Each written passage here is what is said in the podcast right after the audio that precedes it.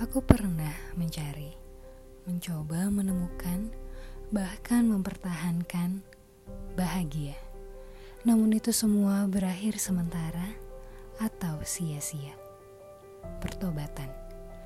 Bagaimanakah seorang manusia dapat benar di hadapan Allah? Bagaimana orang berdosa itu dapat dibenarkan? Hanya melalui Kristuslah kita dapat rukun dengan Allah dengan kesucian tetapi bagaimanakah kita datang kepada Kristus?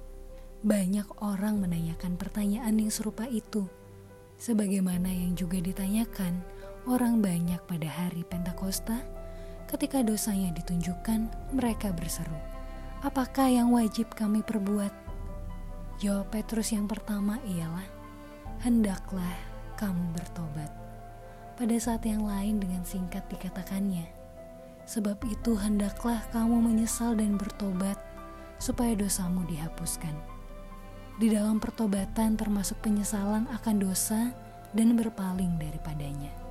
Kita tidak akan meninggalkan dosa itu kecuali kita melihat betapa jahatnya dosa-dosa itu.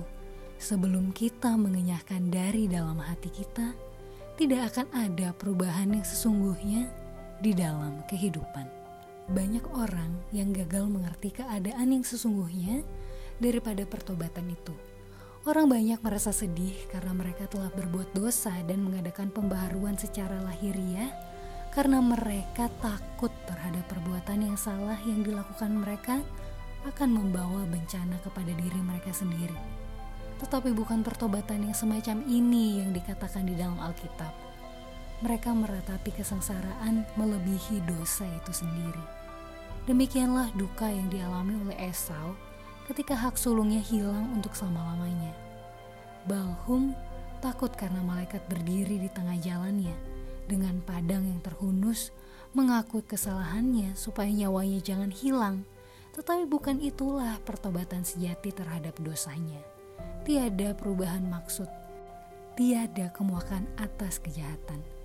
Judas Iskariot setelah mengkhianati Tuhannya berseru, Aku berdosa sebab menyerahkan darah orang yang tiada bersalah. Pengakuan terdorong dari jiwanya yang merasa bersalah dengan perasaan akan hukuman yang dahsyat dan satu pandangan yang menakutkan atas penghukumannya.